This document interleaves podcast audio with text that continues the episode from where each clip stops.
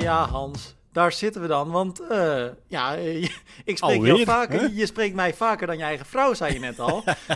we, we, spreken elkaar eerst nooit. En nu gewoon twee keer in, uh, nou ja, eigenlijk in een weekend, in vier dagen. Ja, ja, maar ja, goed, dat had dan ook alles te maken met dat weekend. En wij waren nog zo blij dat we op zaterdag met de podcast kwamen. maar we zijn de laatste twee weekends er echt aan het achterkomen. Zaterdag is niet de meest gelukkige dag om uh, een podcast online uh, te plaatsen. Zeker niet dat ze wedstrijden helemaal vooraan in dat weekend op vrijdag al zitten.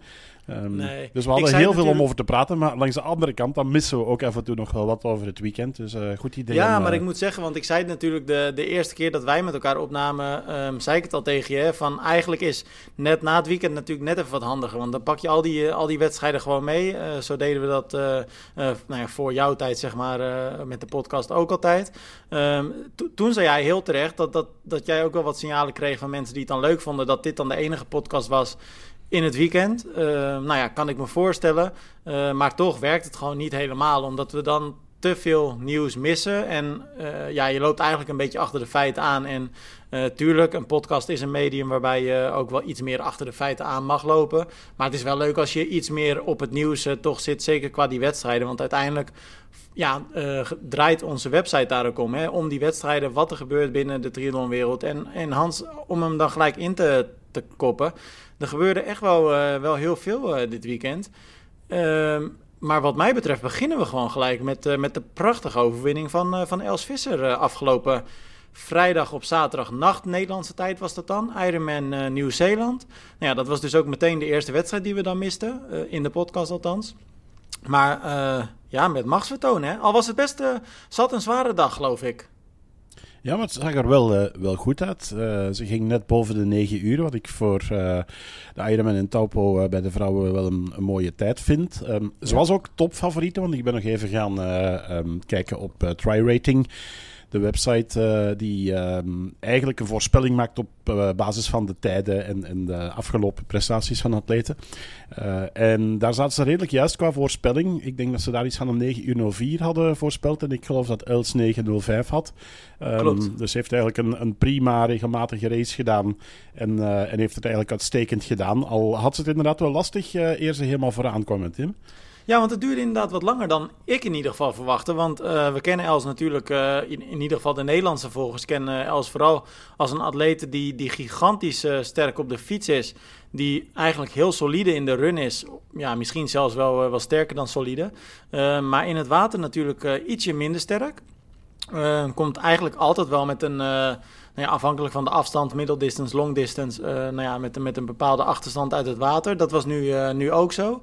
En um, wat je eigenlijk vaak ziet in de wedstrijden is dat ze op de fiets snel naar voren rijdt. En um, nou ja, dat deed ze nu ook. Ze, ze binnen 25 kilometer uit mijn hoofd um, lag ze al derde, van een zesde plek geloof ik.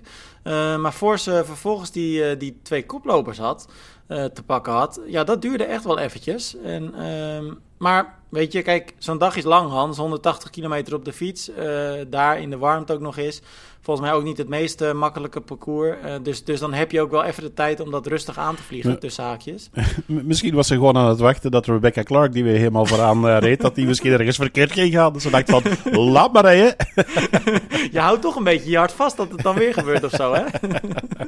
maar dat gebeurde gelukkig niet. Maar het was inderdaad Rebecca Clark die, die voor haar reed. En uh, een van de twee, die andere uh, vrouw die ook nog uh, daarvoor reed, was Barry. Maar eenmaal in T2 terug uh, was het toch Els Visser die al in de eentje aan de leiding ging. Um, en ja, die, heeft, die, die voorsprong heeft ze tijdens de run ook gewoon niet meer uit handen gegeven. En ehm, ja, tweede, tweede Ironman-overwinning voor Els. Na Maastricht ja, natuurlijk, 2018 ja. uit mijn hoofd. nu de tweede overwinning. En Kijk, ik heb er heel kort eventjes ook gesproken na afloop. En ze zei ook, het was echt uh, een zware, maar het was ook wel een hele belangrijke voor me. Mm -hmm. En dat kan ik me zo voorstellen, want we hebben natuurlijk uh, twee weken terug of drie weken terug ook al met elkaar besproken wat ze, wat ze nu gaat doen. Ze gaat nu uh, naar een andere overlevende van dat bootongeluk waar we het eerder ook met elkaar over hadden gehad. Ja, dan kan ik me voorstellen dat zo'n zo'n overwinning nog een extra lading krijgt. Ja, absoluut. Zeker omdat dat in Nieuw-Zeeland uh, gebeurt.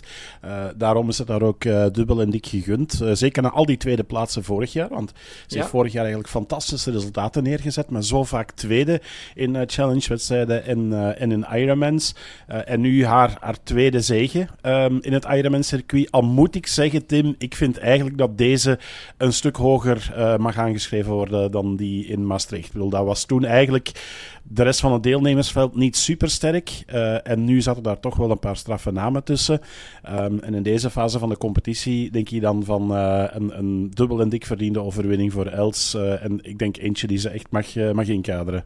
100% eens. Aan de andere kant laten we ook niet vergeten dat in Maastricht uh, niemand minder dan uh, de toen echt nog wel sterke Yvonne van Vlerk aan de start stond. Ja, dus dat was natuurlijk een hele mooie battle uh, tussen die twee vrouwen. Maar wat je zegt klopt hoor, want daarachter was het inderdaad minder sterk. Wat me toch wel weer opvalt, en jij zegt nu ook heel terecht, qua deelnemersveld was dit echt wel gewoon sterker dan toen in Maastricht. Als je het dan weer afzet tegen de mannen, dan blijft het vrouwenveld toch wel weer een beetje achter hè? In ieder geval in hoeveelheid. Nee, dat klopt. Dat klopt. Een, een vaststelling die we blijven doen, uh, helaas. We zien het nog in, uh, in te veel wedstrijden.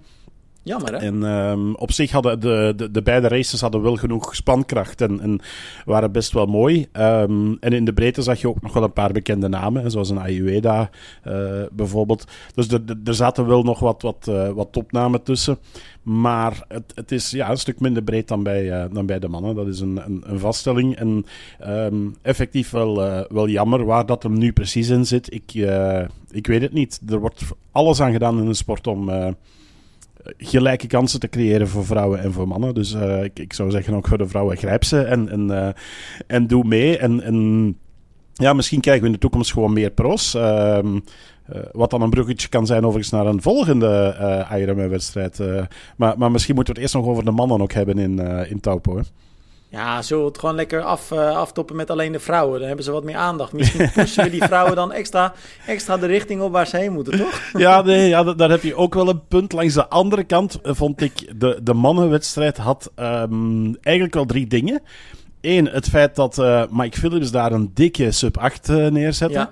Ja. Uh, echt een geweldige race gedaan. die hebben met z'n twee elkaar zitten, zitten opjagen. Um, nagenoeg dezelfde zwemtijden en dezelfde looptijden. En dan heeft Mike Phillips eigenlijk in het fietsen het verschil gemaakt. Zo'n zo'n drie minuten sneller. maar dat was een fantastische zege. Maar dan wordt Sebastian Kienle wordt, vierde. Vijfde zelfs. Of vijfde, ja. Die, die, die had niet zijn, zijn dagje op de fiets. En, en heeft daar ook een, een uh, ja, heel eerlijke testimonial over, uh, over afgegeven. Dat was best wel, wel een, een zeer emotioneel uh, um, filmpje wat hij wat die postte daarover. Dus, wat vond je ehm, ervan, Hans? Ja, ik weet het niet, Tim. het, het is zijn afscheidstournee. En, en, um, maar weet je, Wanaka was ook nog niet super top. Dit, dit was ook nog niet top. Dus uh, weet je, ik, ik, ik gun Sebastian Kindle heel veel, maar... Um, het gaat een moeizaam jaar worden, denk ik. Ik, ik vrees daar een klein beetje voor. En ik weet ook niet of dat te maken heeft met het feit van dat je eigenlijk al dat afscheid zo hard hebt aangekondigd en je zegt van ik doe nog een paar bucketlist races. Um, misschien speelt dat te veel mee. Ik, ik weet het niet. Ja. Het is misschien inderdaad de spanning. Um, wat, me, wat me heel erg verbaasde, um, deze wedstrijd hij was juist op de fiets was hij ontzettend slecht. Hij verloor op een gegeven moment. Hij maakte echt tijd goed op de koplopers. Hij reed op een gegeven moment op een minuutje of zo. Maar hij verloor uiteindelijk gewoon een kwartier. En ja, als Kienle iets kan, is het natuurlijk hard fietsen en alleen fietsen. Ja. Maar het kwam er niet uit. En wat me verbaasde is dat hij ook na afloop zei. Um, tijdens het fietsen begonnen er allemaal vragen door mijn hoofd te, te, te spoken. Die eigenlijk tijdens of voor een wedstrijd al beantwoord um, zouden moeten zijn ja, dat, dat zijn een beetje eh, beginnersfouten, zou je bijna kunnen zeggen. Ja, en ik kreeg ook de indruk dat hij iets te snel um, van stapel was gelopen op de fiets. En, en dat hij daar misschien net te veel wat heeft ge, ge, geduwd of dergelijke parcours verkeerd ja. ingeschat. Want het is niet, niet gemakkelijk in Taupo, het parcours. Um, ik weet het niet, maar ik, ik, vond het wel een beetje een vreemde. Zeker voor iemand met zijn ervaring. Dan verwacht je net wat meer. Um, maar goed, voor hetzelfde geld is het een vormdipje. En we zijn nog maar maart. Uh, zijn, zijn um, zijn seizoen is een stuk vroeger nu eigenlijk uh, begonnen dan, dan mogelijk de vorige jaren. Dus ik, ik weet nog niet helemaal wat ervan te verwachten, maar voorlopig ziet het er nog niet geweldig uit qua afscheidsjaar. Nee. Uh. Ik, ik heb een tip voor hem, denk ik, wat hij volgens mij moet doen. En dan is in ieder geval zijn marathon een stuk beter. Uh, gewoon de schoenen van Gustav Iden aantrekken. ja, wat, een, ja. wat een gedoe, Hans. Hè? ja, ja, ja, ja, daar wil ik het zo dadelijk over hebben. Ik wou nog, nog één ding uh, even terugblikken op, op Taupo, want dat vond ik eigenlijk zelf het moment van de race. En dat was Cameron Brown die zijn profcarrière beëindigde. Zijn 25ste keer in uh, de Ironman New Zealand. En ik weet niet of je het filmpje bij ons hebt gezien met de haka. Maar dat is echt wel een kippenvelmoment. Dat, en dat heeft hij wat mij betreft ook wel verdiend. hoor. Hij is echt een levende legende in uh, Nieuw-Zeeland. En eigenlijk ook daarbuiten. Als je prof kan blijven tot op je 50ste. Um, dat, is, dat is bijzonder knap van, van Cam Brown. Hij heeft ook toch wel een heel mooi palmares bij elkaar gezwommen, gefietst en gelopen. Dus ik, ik, ik vind hem wel uh, ja, het was, het was, een hele mooie finish. En daar zat ook heel veel emotie in. En die haka, dat had echt wel wat. Dat was echt Ja, dat zag, dat zag er echt prachtig uit. Wat dat betreft was het eigenlijk best wel een, uh, een wedstrijd met alles erop en eraan. Hè? Teleurstellingen, mooie momenten. Nou ja, Nederlands overwinning dus. Um, ja, eigenlijk alles waar we als, als gewoon objectieve fans, kijkers op mogen hopen, toch? Ja, absoluut. absoluut. Ik vond uh, Ironman Taupo, daar zit wel wat, uh, wat in. Uh, wetende ook dat die 70.3 wereldkampioenschap wordt. Um, waar een aantal mensen naartoe aan het werken zijn en zo. Dus misschien wel eens een dromenstemming voor ons voor de toekomst, Tim. hey, die schoenen van Iden, Hans. Ehm, ja, ik, ik had eigenlijk voor de grap erbij gezet... pak een, een, bakje popcorn en we blijven het volgen. Ehm, het is wel een beetje gedoe, hè? Wat, wat vind jij ervan? Het gaat om die hoge zolen natuurlijk. Ja, ik weet het niet. Um, want niemand heeft beelden blijkbaar. Uh, want ik, ik ben aan het zoeken geweest ook op, uh, op internet. En je hebt dan de, de vaste fotografen van de World Triathlon die daar waren. Wagner Arroyo was er en uh, Tommy Zeferis. En die hebben alle twee geen foto's, of alleszins niet gepost. Misschien ook bewust van, uh, van Gustav Iden uh, die, die aan het lopen is. Nu, het, het verschil was ook redelijk groot. En die mannen hadden al werk genoeg, denk ik, met die grote groep uh, die begon te lopen in Abu Dhabi in beeld te vatten. Uh, dus we hebben geen beeld uh, gezien van, van uh, Gustav Iden, van, van de schoenen die, die hij droeg in het lopen. En de reacties bij ons waren er ook wel naar van ja, het zou super dom zijn van Gustav als hij gewoon zijn uh, Kona-schoenen had, uh, had aangetrokken. Mhm. want uh, die, die ons, die zijn de, de Cloudboom Echo 3 die hij in Kona droeg, die waren op maat gemaakt voor hem. Dat waren eigenlijk prototypes. En dat is nu net wat niet meer mag volgens World Athletics. En World Triathlon volgt dat ondertussen. Uh, en daar had dus ook die hoge zool wat mee te maken. Um, en er is dus sowieso ook een limiet op de hoogte van de zolen tegenwoordig. Uh, maar ook het feit van dat uh, prototypes of schoenen die niet voor productie ontwikkeld zijn, moeten eerst door World Athletics worden gecontroleerd en goedgekeurd. En pas dan mogen die in wedstrijd worden gedragen. Ja, en dat heeft er ook weer mee te maken dat iedereen dan de mogelijkheid moet hebben om op die schoen te kunnen lopen. Dus niet dat één iemand, in dit geval dan Iden, ja, het patent eigenlijk op die schoen heeft waarmee je een oneerlijk voordeel kunt krijgen. Wat, wat ik eigenlijk nog het meest op aanslaan nu, wat jij zegt, is dat, dat um, uh, je, je, de Belgische lezers het eigenlijk dus wel begrijpen um, dat het zo is. Wat mij heel erg opviel bij de Nederlandse reacties, was dat er best wel wat mensen zeiden, uh, waren die zeiden: joh, wat maakt het uit? Hij is ja, 52ste geworden. Ja, maar ik denk dan bij mezelf, ja, maar als je vijftigste wordt en je hebt EPO geslikt of uh, bloedtransfusies ja, gedaan, dan, dan, dan telt het natuurlijk ook niet. Nee. nee, want bij ons kwamen er zelfs reacties van dat ze het knap vonden van World Triathlon, dat ze zelfs een 52e plaats zo kritisch bekijken. Ja, ik vind um, dat ook wel goed. Want dan, dan krijg je niet de discussies achteraf van, ja, maar wat als hij gewonnen had, hè, dan was het mogelijk een ander verhaal geweest. Nee, het is ja. gewoon uh, gelijk voor, uh, voor iedereen. Um, dat leidde overigens ook tot een klein Twitter-relletje. Die vond ik ook ja. wel wel heel leuk. Um, met uh, um, Herbert Krabel, de vroegere Slowtwitch-man. Hij, hij, is daar ondertussen niet meer aan, uh, aan verbonden. Maar die maakte een opmerking op Tim Hemming zijn tweet. Van ja, maar ja, het gaat hier over de 52e plaats. Waarop Tim dan reageerde van ja, Herbert, ik doe aan journalistiek en niet aan slowitchtiek. ja, dat was wel een even een, Het was wel even een, een, een, hoe zeg je dat? Een, een, een steek onder de, de riem, hè? Ja, ja, ja. Even, even, even van zich afbijten. Ja, ja ik vond het wel mooi. ja, ja, was mooi. Maar dan zie je toch hoeveel mensen dat dan bezighoudt. En dan vraag ik me af, komt dat nou omdat het Iden is? Ik, ja, waarschijnlijk wel eigenlijk. Ja, maar ook wel omdat triathlon binnen de atletiekwereld, uh, dankzij Iden uh, vorig jaar in Kona, ook wel een beetje het imago heeft gekregen van ja, daar mag nog alles.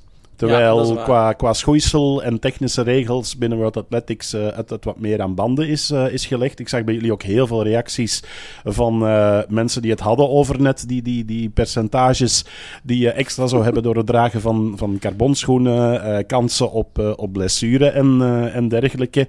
Um, dus da daar is nog wel heel wat discussie rond over het nut en het voordeel van, van de schoenen. Uh, ik moet zeggen, bij mezelf merk ik ook wel. Ik ben een trage loper, maar je merkt wel met carbon, um, en, en, zeker met uh, de, de Scott uh, Carbon RC's die ik gebruik, um, die een heel goede afrol hebben. Dus je gaat er eigenlijk vlotter mee lopen. En ik vind Iedereen, ze zelf ja. comfortabeler. Um, en dat wordt ook wel door veel atleten bevestigd, is dat je, zeker voor de lange afstanden, de dag nadien minder last hebt van stramme spieren. Klopt, het ehm, enige probleem is dat er ook heel veel lopers zijn die best wel last krijgen van de, van de paceplaat, zeg maar, onder die voet. Dus omdat die natuurlijk veel meer strak trekt, mm heb je ook gewoon nu veel meer mensen die daar toch blessures van krijgen. En dat zijn voornamelijk de wat minder snelle lopers. Um, ik zag bij ons ook dat er een discussie is van, ja, wat is dan een snelle loper en wat niet? En eigenlijk zijn er nog niet echt onderzoeken naar gedaan. Volgens mij is dat ook, uh, is dat sowieso best wel lastig in een onderzoek te vangen of zo. Uh, maar ik zou wel willen zeggen, ga niet zomaar blind op carbonzolen lopen als je dat nog nooit gedaan hebt. Check wel eventjes of je lichaam dat aan kan en uh, hoe de belasting test, is. Test het ook een, een tijdje, want ik, ik uh, vond het bij mezelf ook in het begin is het wel wennen, omdat het is een veel stijvere schoen is. Um, ik heb nu gemerkt, want ik heb de afgelopen weken ook uh, de, de, Scott, uh, de Scott Ultra Carbon uh, RC ge, getest. Dat is de nieuwe um, offroad, de nieuwe trailschoen eigenlijk van, van Scott. En daar hebben ze de carbonplaat aangepast. En die is vooraan wat flexibeler, zodanig als je bij offroad je, je voeten moet zetten en je tenen wat moet kromen als je op een schuine kant loopt of op rotsen loopt bijvoorbeeld, dan gaat ja. die plaat een beetje meeveren. En dat is ook een wereld van verschil. En als je daar een paar keer mee hebt gelopen, dan merk je in één keer van ja, dat, dat geeft iets minder stijfheid. Dus en elke schoen tegenwoordig heeft zowel zijn eigen um, kwaliteiten of, of uh, specificaties. Dus ik zou vooral aanraden van test het en, en probeer het even een tijdje uit en, en zie of dat het iets is voor je. Ja, het is ook niet voor niks natuurlijk hè, dat heel veel profatleten uh, hun trainingen nog steeds op een, nou ja, tussen normale schoen doen. En dan met de wedstrijden die carbonzolen, carbonschoenen uit de, uit de kast trekken. Um, maar goed, ieder zijn ding. Dus jij zegt heel terecht, uh, test het even voor jezelf. Ja, um, van ja en dan voor de rest overigens... Uh, als het effectief um, de on-Cloud uh, Boom uh, Echo 3 is van, van Icona, die iedereen heeft gedragen, dan denk ik van, my god, is er dan niemand in de entourage van de Noorden die zegt van, ja. uh, Gustav, dit gaat niet lukken, jongen? Nee, maar ook dat hij dat zelf dan niet zou begrijpen, want ja. hij, hij weet dat er heel veel hijs over was al. Mm -hmm. Maar goed, uh, Nieuw-Zeeland gehad, Abu Dhabi dus nog heel eventjes gehad. Dan was er nog een grote wedstrijd dit weekend en dat was natuurlijk uh, Ironman Zuid-Afrika. Nou, hadden we het net in Nieuw-Zeeland al over een uh, sterk deelnemersveld. Dat was in Zuid-Afrika eigenlijk nog meer, zeker bij de mannen. Maar heel even kort ook uh, benoemen dat we wat, wat betreft Nederland ook uh, nog een uh, nou ja, bescheiden succesje hadden. Want we hadden Marlene de Boer. En Marlene de Boer, voor de Belgische luisteraars die dat misschien niet weten, is een, um, een ace-groep atleet die echt zo'n beetje alles gewonnen heeft wat er te, te, winnen valt. Ik geloof 11 van de 12 Ironmans heeft ze gewonnen in de age groep. Uh, ja, wereldkampioen twee keer geworden. Wereldkampioen? Ja, ja, twee keer inderdaad zelfs. En uh, nou ja, dus, dus echt zeer succesvol. Heeft toen heel lang getwijfeld of ze de overstap wilde maken naar het profveld. Uh, heeft dat nu gedaan. Uh, traint bij Yvonne van Vlerken, dus ook niet de minste natuurlijk. En nou ja, Zuid-Afrika, eerste wedstrijd als een prof. En ze werd nou ja, aanvankelijk zesde. Maar uh, Mathieu, uh, Justine Mathieu, die werd uh, ja, eigenlijk na de finish uh, gedisqualificeerd. Want die had geen straf, geen straf uitgezeten, ja, geen penalty. Die had een penalty op de fiets gekregen en ja. heeft hij die uitgezeten. Ja, pijnlijk. Dus die verloor de derde plek daarmee. En daarmee nou ja, steeg Marlene de Boer nog wel een, een plekje. Dus vijfde plek. Ja, Hans, ik, ik, ik vind dat een goed debuut. ja, heel en, mooi, en ook tw 20 minuten achter Laura Philip maar. Ja, ja. Ja, en ik, ik, ik, ben blij dat ze de stap gezet heeft, want ik vond dat vorig jaar al. Ik heb haar ook gezien in Kona. Um, het is een supersterke atlete. En dan denk je ook van, wat blijf je doen in dat agegroepveld? Je bent bijna profwaardig. Ja, dan... die uitdaging aan en, en probeer het. En ik ben blij dat ze die stap nu gezet heeft. Ehm, dus ik, ik ben, ben zeer benieuwd. Ik ben ook wel een beetje jaloers uh, op jullie. Want uh, we hebben het een paar podcasts terug er ook over gehad. Van hoe, hoe goed het met de vrouwen gaat. De Nederlandse vrouwen op de lange afstand. en dan komt er nu weer eentje bij. Dus dat wordt, dat wordt een mooie. Ja, dat is echt mooi. Ze heeft wel een goede wedstrijd uitgekozen voor de debuut. Want uh, ik zei net, Els Visser uh, niet per se bekend als de beste zwemmer. Geldt zeker ook voor Marlene de Boer. Die moet het ook vooral hebben van het fietsen en het lopen. Ja, en Hans, jij hebt het ook gezien. Afrika, het was, uh, ze hebben daar wat met het weer. Want volgens mij was het vorig jaar precies hetzelfde verhaal. Ja. Het, eh, het, zwemmen werd ingekort uh, nu. Mm -hmm. en, en niet zo'n klein beetje ook. Van 3,8 kilometer naar 900 meter. Het was stormachtig. Ik ja. zag ook echt veel fietsbeelden met nou ja, regen, wind. Um, dus ja, weet je, dat was wel een beetje een voordeel van Marlene natuurlijk. Ja. Uh, ze, ze hebben maar... overigens gezegd dat het 900 meter um, zou geworden zijn. Als je gaat kijken naar de tijden, dan denk ik dat het eerder rond de 700, 750 zat. Want de snelste tijden bij de mannen lagen rond de 9 minuten. Dus, ja, uh, ik dacht ook al van, of ze hebben echt heel hard gezwommen. Het zou natuurlijk kunnen met de stroming van de zee. Uh -huh. uh, maar ja, ik had wel een beetje hetzelfde. Maar laten we netjes maar, de, maar goed, Het is een groot, uh, groot verschil met, met 3,8 kilometer. En, en ja, ja je, je, had alle pro's had je binnen de twee minuten van elkaar op de fiets. Dus ja. je krijgt wel een heel andere wedstrijd op die manier. Hoe heb, je, hoe heb je er naar gekeken? Want ik vond, nou ja, bij de vrouwen kunnen we toch wel zeggen, Hans, gewoon de verwachte winnares toch, Laura Philip. Um, eigenlijk een, uh, een easy day at office, vrij eenvoudige overwinning. Ja. Um, bij de mannen, um, Leon Chevalier, en hoop ik maar dat ik het goed uitspreek voor je me weer... Uh... Oh, ça va, ça va. Le Leon, Leon Chevalier, ja. Kijk, hoppa. Ja. maar um, ja, die verraste me toch een beetje eigenlijk. Ik weet niet, had jij dat ook? Ja, ik, ik heb er um, zondagavond nog met een vriend over uh, uh, gepraat. En eigenlijk gezegd van, we, we, zijn hem eigenlijk al een tijdje te lang aan het onderschatten. Ja. Omdat hij, hij, doet het uh, zeer goed, zeker ook in, in die Franse wedstrijden. Maar het is zo niet de man die je tussen de internationale toppers op Ironman niveau verwacht. maar stilaan is hij wel die weg aan het opgaan. Um, en ik denk dat dit hem ook uitstekend lag, zeker ook met dat ingekorte zwemmen.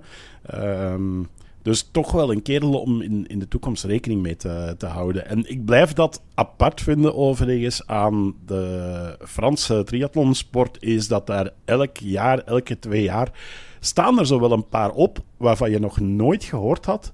En dat zijn dan in één keer uh, talenten. Je had hetzelfde met zo'n Clément Mignon en dergelijke. Ja. Uh, Anthony Kost was ook een paar jaar geleden zo iemand die, die plots opdook en dan meteen er stond. Um, dus in, in de Franse triathlon heb je dat wel vaker. Dat daar gewoon mannen komen bovendrijven. Dat je zegt van, maar waar komen die vandaan? En dan ga je eens kijken. En dan zijn dat vaak mannen die dan op een Ambruiman uh, het, het goed doen. Of in, in Gerard Meer bijvoorbeeld. Of in de Strieman. Of, dat soort wedstrijden. Dat je toch denkt van, nou, toch maar in de gaten houden. Ja, mooi is dat. Hè? En wat mij um, in, in positieve zin nog het meest verraste. Uh, want we hadden niemand minder dan, uh, dan Cameron Worth, die op een gegeven moment het fietsenonderdeel uh, begon te leiden. En ja, je weet ook gewoon, als Worth eenmaal aan de leiding rijdt, dan, dan kun je maar beter gaan, gaan oppassen. Want dan gaat het natuurlijk echt gigantisch hard. En ehm, rijdt ook dit jaar nog in het profpeloton bij de wielrenners. Dus ja, dat zegt natuurlijk wel wat.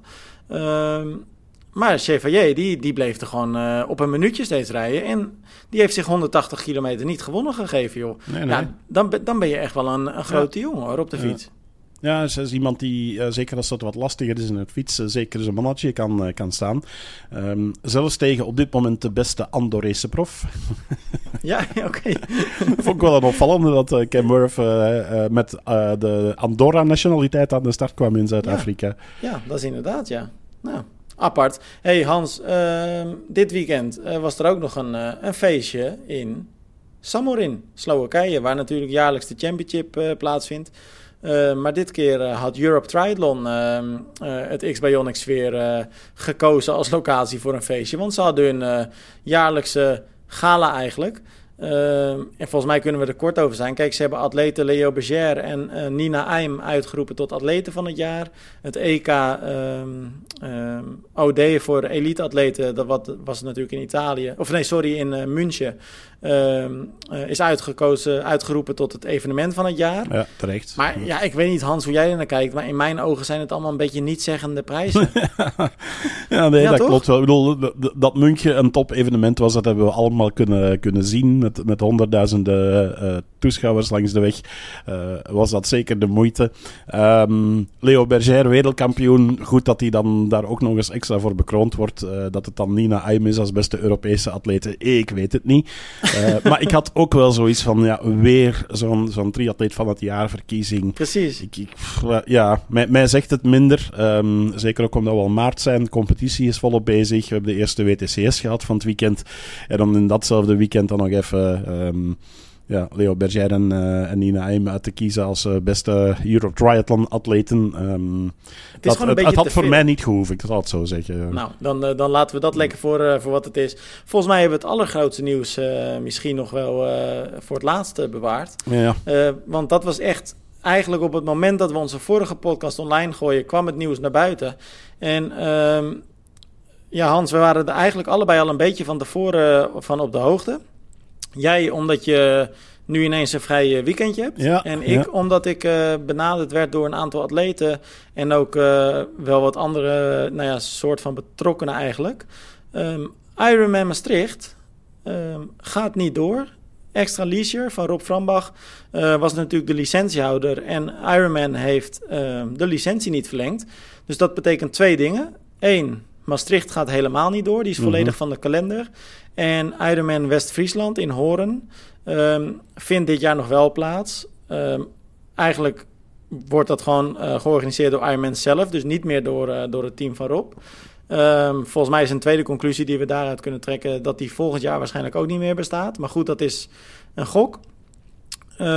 Maar het is ja, big nieuws, toch? Ja, absoluut. Absoluut. Het, is, eh, eh, het, was een bommetje wat, eh, wat plots ontplofte. En het zat er een klein beetje aan te komen, maar dat dan de impact zo groot zou zijn. Ik denk het enige positieve er nog aan is dat het nu gebeurt. En dat dat niet dan nog vlak voor de wedstrijd gebeurt. En, en dat er te lang wordt getalend met dat naar buiten te brengen. Nu heb je nog zes maanden om, om te herplannen. Ehm maar goed, als je de reacties bekijkt, ja, die, die zijn eh. En ik, ik vind het vooral bijzonder jammer dat dit weer gebeurt. Dat een, een, een mooie internationale grote wedstrijd van, van de kalender verdwijnt. Ik vond Maastricht wel wat hebben. Ik heb me daar vorig jaar eh, uitstekend geamuseerd. Eh, ook al waren er toen al wel wat klachten van, eh, van deelnemers, vooral ook over dat fietsparcours. Ehm, en ik heb daar met Rob ook eh, achteraf eh, een aantal keer over gesproken en hij was daar zelf ook niet gelukkig mee. Eh, hij heeft zelf ook natuurlijk eh, de kritiek geuit op de gemeente Maastricht. Hè, in, in, Nou, dat eh, vond ik toen de- zo bizar. Hij, hij heeft toen echt een bom in de media ja, gelegd. ja, de dag voor, voor de wedstrijd. Dus als je dan moet natuurlijk gaan samenwerken dat weekend met de mensen van, van gemeente Maastricht. ja, dat, dat, dat hing ook wel een klein beetje een, een raar sfeertje rond. Ehm, en ik had ook al wel begrepen dat het dit jaar opnieuw heel moeilijk verliep. De onderhandelingen met Maastricht. En met name dan over het fietsparcours en de vergunningen daarvan. Ehm, daar speelt natuurlijk ook een hoop politiek mee en dergelijke. En dan denk ik ook van ja, dan, dan voelde je dat een beetje achter je ellebogen aan. eh, dat, dat er. eh, eh, ja. ik, ik had sowieso verwacht van ze gaan dit nog één keer doen om de afspraken na te komen. En dan zit het contract erop en, en is het klaar. Ehm, dat er dan nog dit jaar zou besloten worden van we doen hem helemaal niet. Daar was ik zelf ook wel wat van, eh, van geschrokken. En dat ook nog eens Ironman zei van wij trekken de licentie in van, eh, van Extra Leisure. Ehm, dat is natuurlijk wel een hele heftige. Dat is niet alledaagse communicatie die, eh die Ironman zomaar voert. Langs de andere Nee. kant is het ook weer ook een beetje typisch Ironman de enige communicatie die ze voeren. Nou ja, dat wilde ik inderdaad. Maar daar kom ik dan zo nog heel eventjes op terug. Want jij zegt heel terecht. ehm, het was opvallend dat er nu zo prominent eigenlijk in hun eigen berichtgeving van Ironman staat van we trekken de licentie in. En er stond nog een zin achter. En dat vond ik eigenlijk helemaal heftig. Eh, er stond letterlijk. ehm, we hebben ondanks alle pogingen ehm, om tot een samenwerking te komen, eh, zijn we er eigenlijk niet in geslaagd om die samenwerking te vinden. Dus ja, weet je, dan kun je tussen de regels wel doorlezen dat het totaal niet botert. Mhm. Ik heb enig, eh, enig eh, sinds echt wel te doen met, met Rob. Want ehm, kijk, je kunt vinden van Ironman wat je, wat, je, wat je wil. En ze hebben natuurlijk best wel wat kritiek de laatste tijd. Ehm, soms terecht, soms uh, ook onterecht. Maar Rob is echt wel iemand die heel gepassioneerd is en gewoon um, graag een tof evenement wil organiseren. En kijk, ik kreeg op een gegeven moment wat signalen van, uh, van atleten en um, ook andere, andere kanten. Dat, uh, dat het wel eens zou kunnen dat die wedstrijd niet meer door zou gaan. En toen dacht ik, nou, sterk verhaal. En weet je, je gaat het ook niet gelijk publiceren, want je mm -hmm. wil natuurlijk wel eventjes checken hoe en wat. Dus ik heb gewoon uh, Rob eens een berichtje gestuurd van... joh, ik krijg hier en daar wat signalen. Um, kun je me even laten weten hoe het zit? En um, toen was de reactie al een beetje ontwijkend en een beetje vaag. Dus dan denk je natuurlijk al een beetje bij jezelf van... Hmm, misschien klopt er inderdaad iets niet helemaal. Um, toen ging de, de inschrijving offline. Uh, dus je kon je niet meer inschrijven. Uh, toen heb ik Rob weer benaderd van... joh, ik krijg nu het bericht dat je je niet kan inschrijven... Uh, gaat de wedstrijd nog wel door? Of wat is de status? En toen appte hij me terug. En hij zou me ook al twee keer bellen, maar dat deed hij steeds niet. En uh, toen appte hij: Sorry, ik, kan je, ik bel je morgen. Uh, wedstrijd gaat gewoon door, daar zou ik me geen zorgen over maken. En dat was op uh, donderdagavond. En ja. op vrijdagochtend werd de wedstrijd nou ja, gecanceld dus. Mm -hmm. kijk, en hij wist dat natuurlijk. Ja, maar het is mocht er alleen helemaal niks van zeggen. En, en nee. Ik denk dat dat ook een beetje met de, de hele communicatie van Ironman... Uh, ik denk dat daar op een gegeven moment ook iemand heeft gezegd van... en nu geen contact meer met de pers, wij nemen het over van hier. Maar um, dat is bizar, hè, hoe dat gaat bij ja. Ironman. Want je mag dus echt niks meer zeggen dan. Nee, blijkbaar niet. Um, en dat toont ook wel aan de positie waarin zij staan. Um, want uh, ze hebben dat nu eigenlijk zelf ook heel duidelijk aangegeven. Van, jij had een licentie. Jij organiseerde de 70.3 Ironman Maastricht en het jaar voordien de Ironman Maastricht. Maar dat is van ons. Uh, en je mag die licentie teruggeven en je mag niks meer zeggen. Dan merk je ook hoe je natuurlijk in zo'n uh, relatie zit. Dat is toch wel ja, opvallend. Ja, Rob is er wel uh, door aangedaan, begreep ik. Dus uh, ja, dat kan ik me voorstellen. Je hebt je jaren natuurlijk ingezet om, uh, om er iets tofs van te maken. Ja, Hans, jij hebt het evenement ook meegemaakt, ik ook. Um, ik heb toch het idee dat Maastricht op de een of andere manier nooit helemaal van de grond is gekomen. Er was altijd wel iets wat niet helemaal goed was of zo. Er kwam inderdaad mm -hmm. veel kritiek op het parcours. Uh, nou ja, afgelopen ja. jaar was het natuurlijk sowieso al een stuk kleiner. De, long distance werd ineens weer weggetrokken. Ja. Uh, het, het, is altijd moeizaam geweest in Maastricht. Ja.